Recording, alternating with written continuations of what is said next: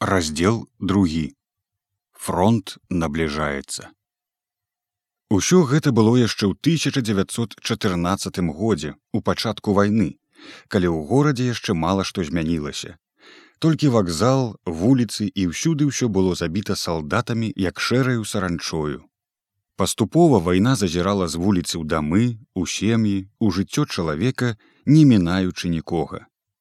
Мне пакуль што толькі падаражэлі прадукты. Ужо ў канцы 1914 года заробку майго мне хапала толькі на яду. І што ж я цяпер еў? З'ядаў абед у таннай сталовай з дзвюх страў, які-небудзь лёгенькі пярловы супчык з невялікім кавалкам мяса і котлетку з бульбяною кашаю. Прыходзілася ўжо налягаць за абедам і на хлеб. Хлеба давалі пакуль яшчэ без даплаты і еш колькі ўлезе, але ўсё менш і менш наразалі пшанічнага, а ўсё болей падкладалі жытняга чорнага. А раніцай і ўвечары піў я цяпер толькі гарбату з малаком і абаранкамі. Часам купляў каўбасу, а масла і яйкі еў ужо вельмі рэдка. І саладзіў ужо гарбату сваю заглядкаю. З вясны 1915 года пантаплёвая пошта спярша шаптала, а потым і даволі адкрыта загаварыла, што немцы могуць прыйсці і ў вільню. Потым ужо нават і на вуліцах можна было пачуць аб гэтым гутаркі. І калі я чуў іх, дык якоесьці нез'яснёнае, трывожна радаснае чаканне напаўняла мне сэрца. Няхай прыйдуць немцы, Няхай будзе нешта новае, Улетку, калі фронт усё набліжаўся, у вільні чакалі немцаў напэўна. І польскія і літоўскія і беларускія нацыяналісты, жадаючы збавення ад рускіх, не хавалі цяпер свае нямецкай арыентацыі. Усе рабочыя і з ліку мне знаёмых таксама жадалі, каб рускія былі пабіты. Дядзька Туркевіч, напрыклад, кожны дзень цяпер, ідучы са мною разам дамоў з камбіната, азірнуўшыся шаптаў: Ну, мацейка ўжо скора, скора. Немцы рускіх паб'юць, будзе ў рассіі другі 1905 год і тады самадзяржаўю капут. А можна было пачуць ад нашых жа рабочых такія гутаркі. У немцаў культура, прамысловасць вырасце. Немцы на перагах спяць перагамі накрываюцца. У нас кашуля рубель у немцаў паўрубля. У нас хустачка 10 копеек, у немцаў три копейкі. Асабліва нецярпліва чакаў немцаў мой новы сужыхар. Ромуш рабейка, бо хаваўся ад прызыву. Месца хавацца выбраў ён у мяне. Са старой кватэры з'ехаў і ў дамовую кнігу сказаў напісаць, што выехаў у Маскву.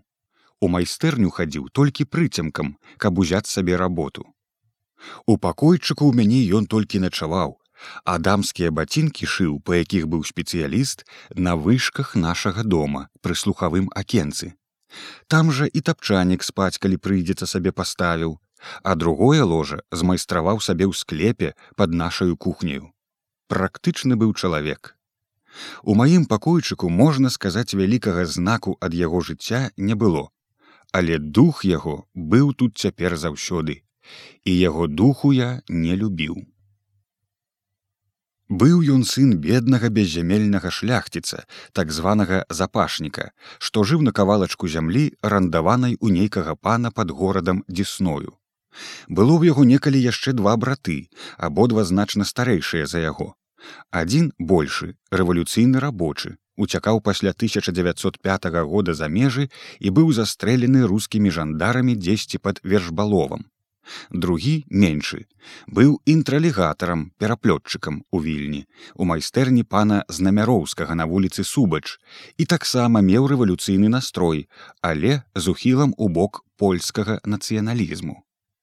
Калі бацька памёр ён гэты інтралігатар узяў да сябе матку і ромуся але і сам праз гады тры памёр ад суход Тады добрыя людзі матку калеку прыстроілі ў багадзельню, а ромуся ў тэрмін да вяршбіцкага. Матка таксама скора памёрла. Рос ромусь сіратою, але было яму ў вяршбіцкага добра. І хоць не вельмі любіў ён слухаць нашы кніжкі, як мы чыталі, але ўсё ж нейкае слово і асабліва жывое слово з вуснаў самога вяршбіцкага і з вуснаў яго рэвалюцыйна настроеных прыяцеляў павінна было прыстаць да яго. Але вось вырас ён толькі заядлым палякам і больш нічым. Высока ставіў сваю шляхоцкую пароду, любіў грошы, імкнуўся да сытага мяшчанскага жыцця. Я бачыў, як ён, як толькі паступіў на працу ў майстэрню да плахінскага, зараз пачаў слацца перад ім лістам і павёў свой павольны і пакорны, але цвёрды і ўпэўнены план на юзю. Быў ён не буйны фігуркаю, на першы погляд здаваўся не дужа моцным, але быў даволі прыгожанькі чарнавокі з чорнымі вусікамі. І чорныя пушыстыя бачкі запусціў сабе каля вушэй. Бачкі яго падабаліся юзі. Глядзі, яшчэ ён сваімі бачкамі і прывабіць яе, думаў я стаялі прыгожыя дні як заўсёды ў вільні ў канцы лета ў пачатку восені калі ў светлым чыстым блакіце разліта спакойная сонечная радасць. Прырода нічым не паказвала што гродня ўжо немцамі ўзята і што падходзіць чарга і да вільні.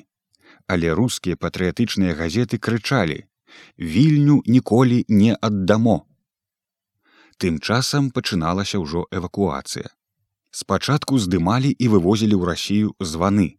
З гэтага поваду пэовякі, польска арганізацыя войскова, выпусцілі падпольную адозву. Обывателе не дамі нашых дзвонов. А што рабіць, каб не аддаць, нічога не пісалі і самі ніякіх захадаў не рабілі. Называецца паказалі фігу ў кішэні, сказаў я неяк аб гэтай адозве рабейку. Ён чмыхнуў і пагардліва задраў свой кароценькі носік. Аказваецца, ён і сам ужо быў пэовяка. Мне сказала Юзя, А я ўсё думаю, куды гэта ён цягаецца ўночы і потым прападае недзе цэлы дзень. Хавацца яму ў нашым доме было бяспечна, бо ўсе жыхары і гаспадар і дворнік былі палякі. Дык я думаў, чаго ж ён баіцца і куды яшчэ цягаецца.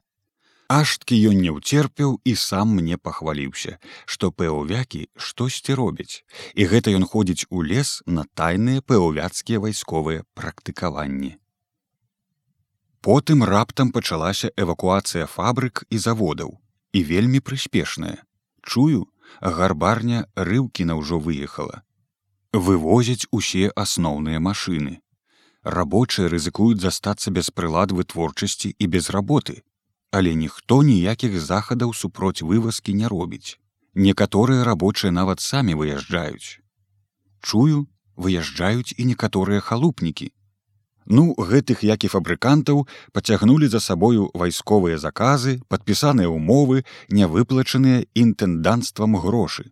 Не паедзеш, прападуць. І вось аднаго вечара прост не пазнаю свайго рабейкі схадзіў да плахінскага і вярнуўся такі шчаслівы зяе бы сонца і прынёс на віну пан плохінскі теж выезджа да росыі думаю сабе куды яго нясе старога дурня? Гэта з аднаго боку. А з другога боку чаму ж так думаю сабе усцешыўся пан рабейка А ён памуляўся, памуляўся, зрабіў выгляд, што раптам успомніў і дастае з кішэні цыдулку, дае мне от панны юзі. Чытаю. Піша мне панна юзя, каб канечне сёння хоць бы і вельмі позна прыйшоў да іх.